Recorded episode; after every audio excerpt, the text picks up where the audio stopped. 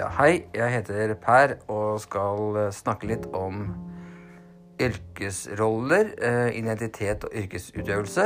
Og jeg skal snakke litt om velferdsteknologi og ulike sider ved det. Da begynner jeg med yrkesrolle. Vi mennesker har jo mange roller å fylle. Vi er søsken, vi er foreldre, vi er venner, ektefeller, og vi er yrkesutøvere.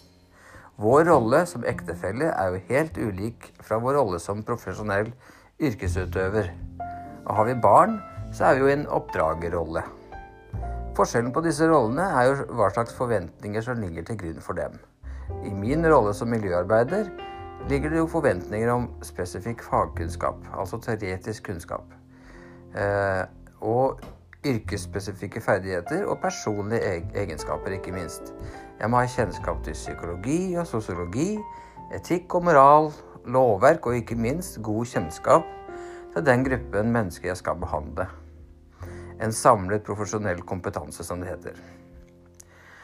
Og som miljøarbeider innen rus så må jeg bl.a. ha kjennskap til felles kunnskapsgrunnlag, referanseramme, verdier og lovverk for helse- og sosialfag kjennskap til rusmidler, altså hvordan de virker, og rusproblemer og tilleggsproblemer, og spesifikke områder i rusomsorgen. Jeg må ha ferdigheter i å kommunisere profesjonelt og gi tilbakemeldinger. Og kunne samarbeide med alle involverte, også tverrfaglig. Jeg må kunne veilede, jeg må ha empati, og jeg må ha mellommenneskelige ferdigheter. Jeg skal også kunne bruke egen fagkompetanse for å løse problemer. I tillegg skal jeg kunne identifisere etiske utfordringer og dilemmaer. Jeg må reflektere over egen praksis og kjenne lovverk og forskrifter.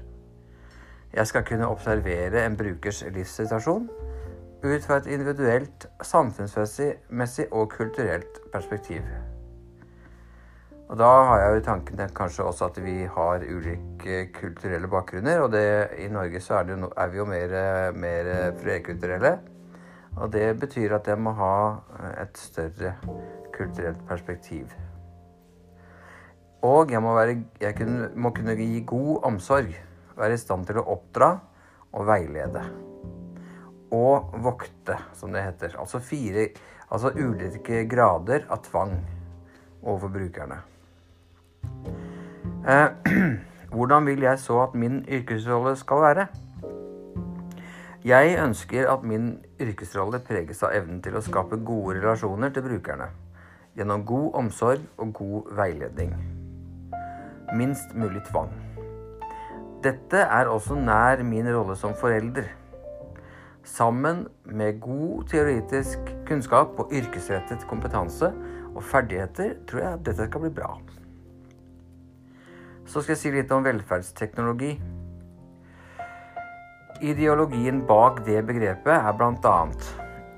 Velferdsteknologi kan eller skal bidra til at enkeltindivider får mulighet til å mestre eget liv og helse bedre.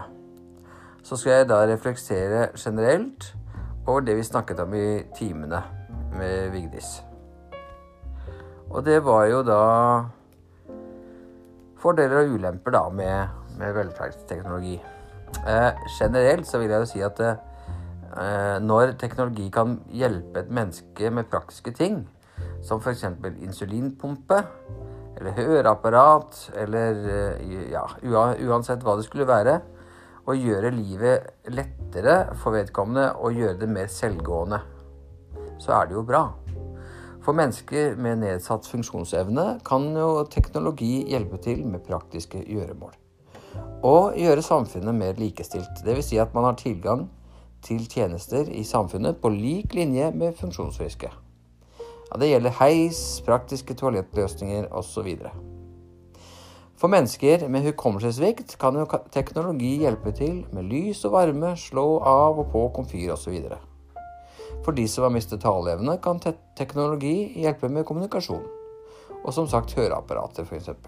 Det at et menneske blir mer selvgående og uavhengig av andre, pleier osv., kan være bra for følelsen av egen mestring.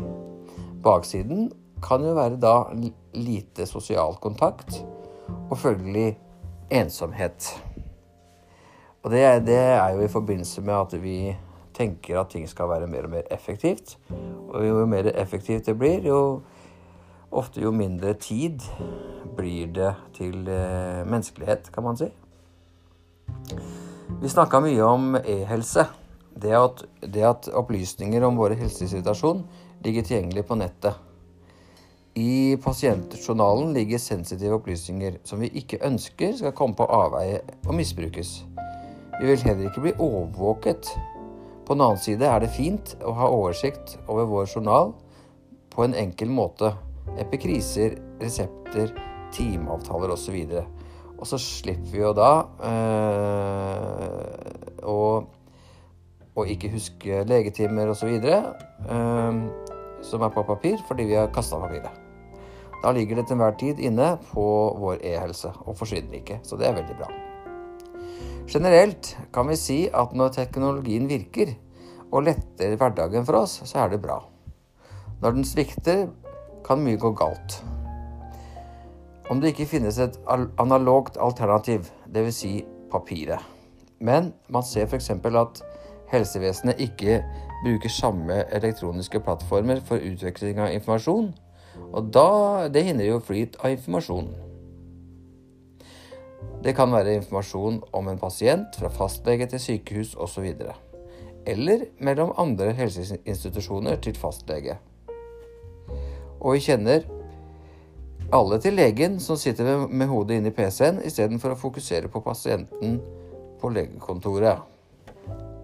Ja, så som vi, som bare som en sånn eh, konklusjon, da, så kan vi si at uh, velferdsteknologi eh, er, eh, er, en god ting. Eh, men vi må ikke miste det menneskelige perspektivet. Og det var det jeg hadde å si om den saken, så da sier jeg takk for meg.